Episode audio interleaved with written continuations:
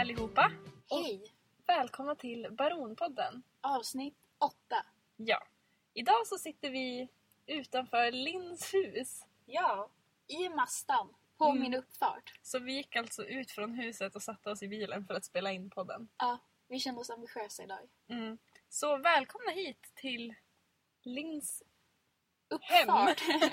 Välkomna Jag in! Jag höll på att säga välkomna till Linns fastighet. Och det lät som en reklam för en mäklare. I alla fall, ni kan hitta den här podden Yes. på iTunes Och soundcloud.com slash baronpodden. mm, och i appen Podcaster. Och ni kan också mejla oss på baronpodden gmail.com. Mm. Snälla mejla. Idag så kände vi oss lite filosofiska. Så då bestämde vi att vi ska ställa lite, Moraliska Mm. frågor eller lite såna här filosofiska dilemman. Mm. Lite som den här äh, om ett träd faller i skogen och ingen hör det, gjorde det ett ljud. fast våran kommer vara lite bättre.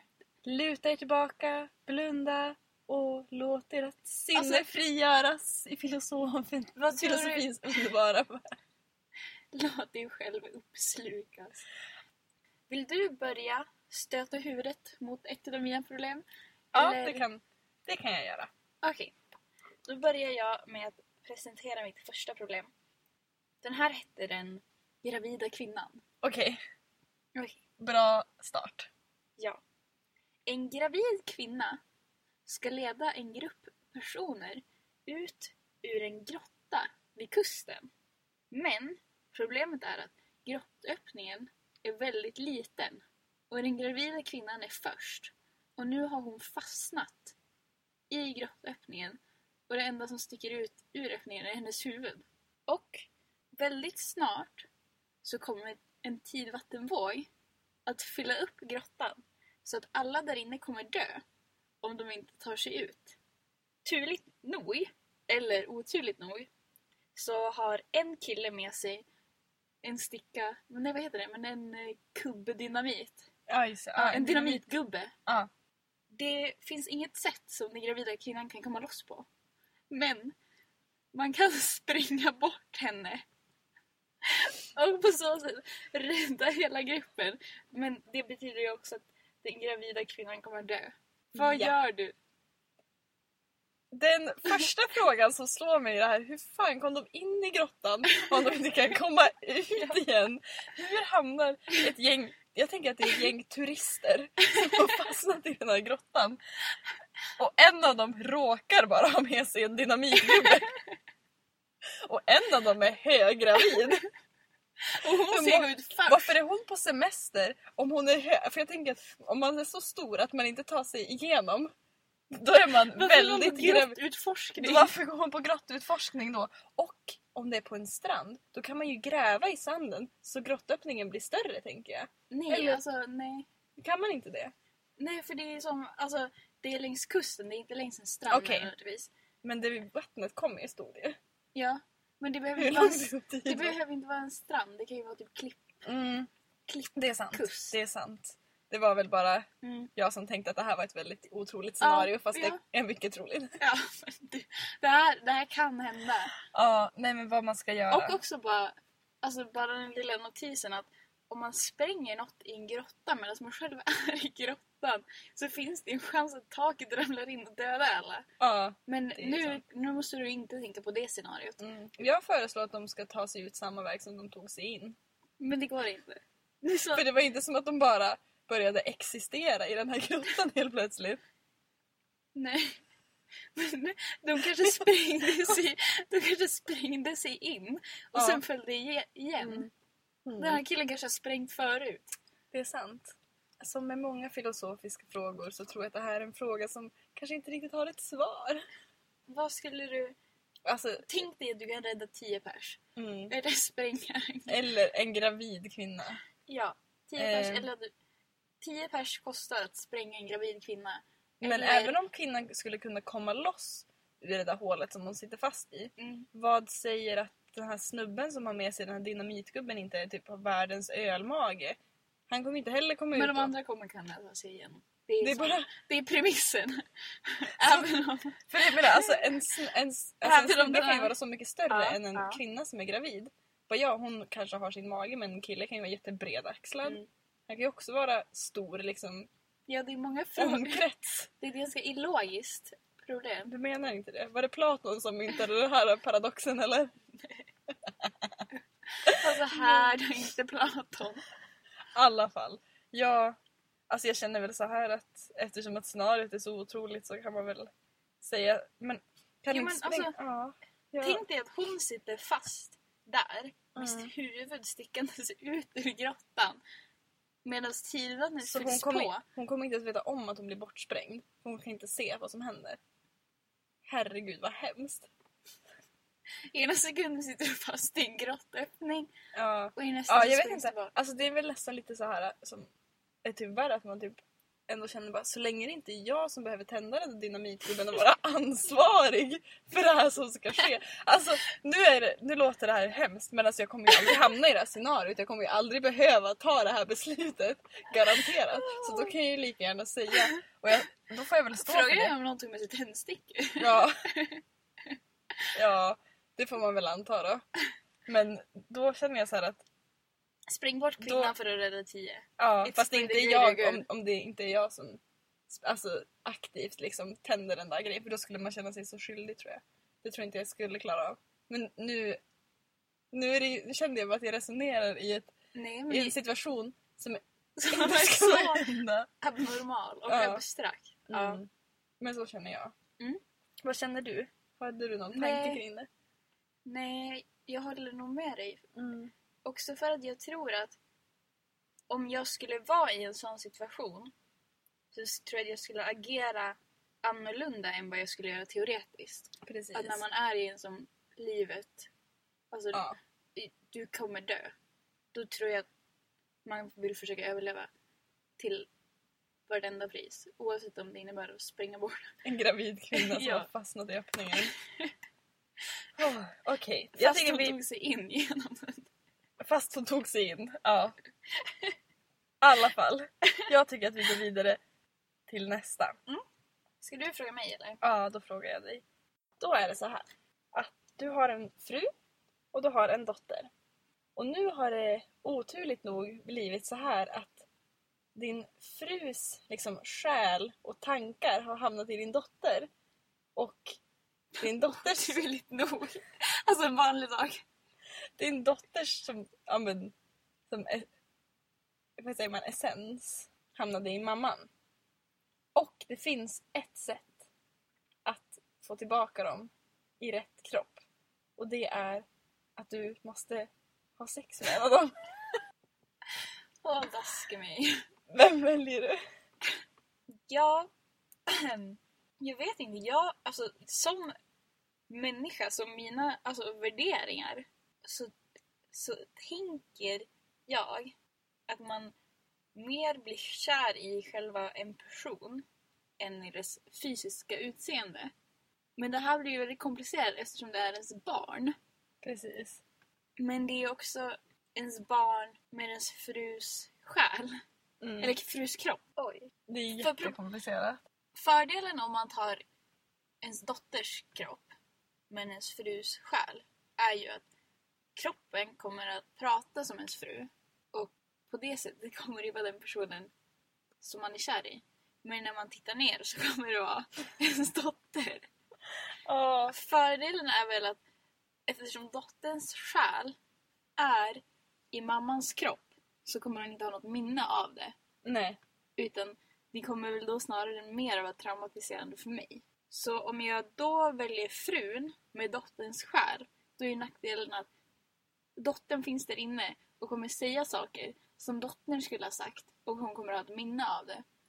Hon kommer ju som på något sätt ändå, tänker jag, ta över kroppen och göra den till sin. Och göra saker som hon vanligtvis skulle ha gjort, fast nu bara med mammans kropp. Jag vet inte, alltså spontant känner jag typ ändå dotterns kropp, Ja. mammans själ. Ja, bara det, för att det blir som så... Ja, alltså det är, så jättesvårt. abstrakt. Ja. För det blir verkligen att man måste sätta så här, Mm. vad är en människa? ja. Alltså är det det kroppsliga Mm. eller det psykiska liksom? Mm. Men det blir lite så här också bara... För det är dottern också. Ja. Alltså, är Och jag är, verkligen- jag är ju som inte, jag har ju inga barn. Så jag kan inte heller liksom föreställa mig hur det är att ha ett barn och hur... Jag kan ju tänka mig hur fel det skulle kännas. Mm, Alltså bara ens tanken på det nu. är fel. Ja. Men om man har ett eget barn som man verkligen älskar och sen behöver utsätta den för någonting sånt. Eller i alla fall dess kropp. ja. Men å andra sidan, tänk att behöva utsätta dess själ för något sånt. Att Mm. den kommer ihåg det. Ja, Det nej, jag kan verkligen inte komma på... Alltså för spontant tänkte jag bara, man väljer ju kroppen. Ja, mammans kropp. Mammans kropp. Men sen bara... Nej, för att dottern... Är där inne. Det är, ju- det är ju dottern liksom. Mm. Ja, för om man är sin själ och inte sin kropp. Men jag tänker också, för typ säg att du väger 200 kilo Mm. Och så går du ner i vikt så du väger 65 kilo. Då har ju din kropp förändrats asmycket. Men du är fortfarande samma människa. Eller hur? Precis. Jo. Ja. Så om man bara gjorde en transplant av den du är och bara satte in den i en annan kropp. Då skulle du ju fortfarande vara du. Eller skulle du? ja. Det är ja. som, det som är problemet med Alltså hela det den här frågan. är djupa frågor. Vad är människan liksom? Kroppen eller... För jag tänker man har ju som så mycket säkert så här visuella minnen Mm. av dottern, alltså som hon ser ut. Mm. Alltså hennes utseende. Och då skulle det vara som, även fast hon inte var där inne. på något sätt måste ju, alltså, tänker jag, själen, om, det, om vi ska använda oss av begreppet själ. Ja. Jag tänker ju att den på något sätt måste ha ett förhållande till kroppen.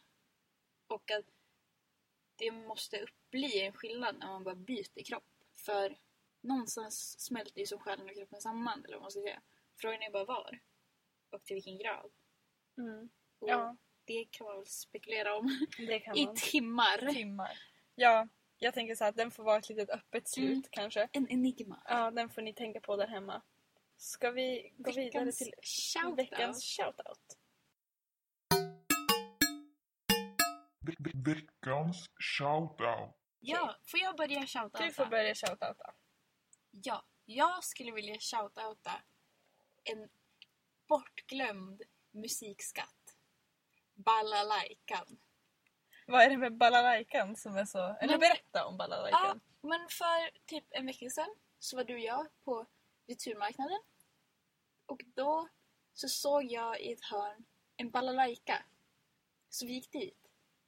Men snart så upptäckte vi att balalajkan inte gick att spela på. För någon hade bytt ut strängarna mot ståltråd. Ett dåligt aprilskämt. Ja, väldigt dåligt. Och det tyckte jag var lite synd. Eh, men min mormor och morfar har faktiskt en balalajka Ja. hemma i sitt vardagsrum. Eh, som de köpte när de var typ på någon resa i Ryssland. alltså den semesterresan. Alltså i Sovjet. Och också att det var en sån här typ busstur, du vet såhär typ Apollo. Såhär charter i Ryssland. Alltså charterresa i ryska Sibirien. På Typ. tundran. eh, nej, men det var inte det jag ville prata om. Utan jag tycker att balalajkan känns som ett bortglömt instrument. Förutom att den har ett väldigt festligt namn. Så tänker jag att det skulle kunna vara men, en kontrast mot allt det här gitarrspelandet. Jag tänker du vet men Wonderwall Killer med tofs Ja, på fester. Om han kom med en balalajka då ja. kanske han faktiskt skulle kunna gå och tycka om. Eller om de typ som sökte till Idol Ja, inte kom med en massa guror utan en balalajka. För den har ju som också sitt unika sound. Så därför tänker jag att men, såhär, föräldrar eller musikintresserade som funderar på att ta någon lektion eller sätta sina barn i musikskolan kanske skulle välja balalajka-klasserna. För det finns säkert så många balalajka-klasser för nybörjare. Men man kanske kan se på typ Youtube. Det är sant. Man kanske kan göra det till en så här business. Eftersom det inte finns några balalaika-klasser så kan man försöka få balalajkan att slå igenom igen. Så här balalaikans redemption song. Och så bara skapa en ny generation. Det här skulle, vara, det här skulle kunna vara 2010-talets liksom, grej som definierar, definierar en Alltså hel tid generation. använder Ja. vi balalajkor. Ja, för liksom vi är så himla ursprungslösa Vad har vi som definierar 2010-talet? Ingenting. Men nu skulle vi kunna ha balalaikor. Ja. Tänkvärt. Ja, får jag shoutouta? Ja, när vi satt inne i Linds kök och åt lunch så tänkte jag vad jag ville shoutouta och kunde inte riktigt komma på något bra. Men, och då medan jag satt och googlade så råkade jag komma in på Mark Levengoods Twitter via Malou von Sivers Twitter. Alltså när man spontant småläser Malou von Twitters. Malou von I alla fall. Ja, nej, men jag, satt, jag sökte mig in på Malou von Sivers Twitter. Ändå, det låter som en Kalle Anka-skurk. Ja, jag tänkte också på det. Och då kom jag in på Mark Levengoods Twitter. Och då tänkte jag att jag vill shoutouta Mark Levengoods Twitter. Eller ja, kanske hela Mark Levengood också.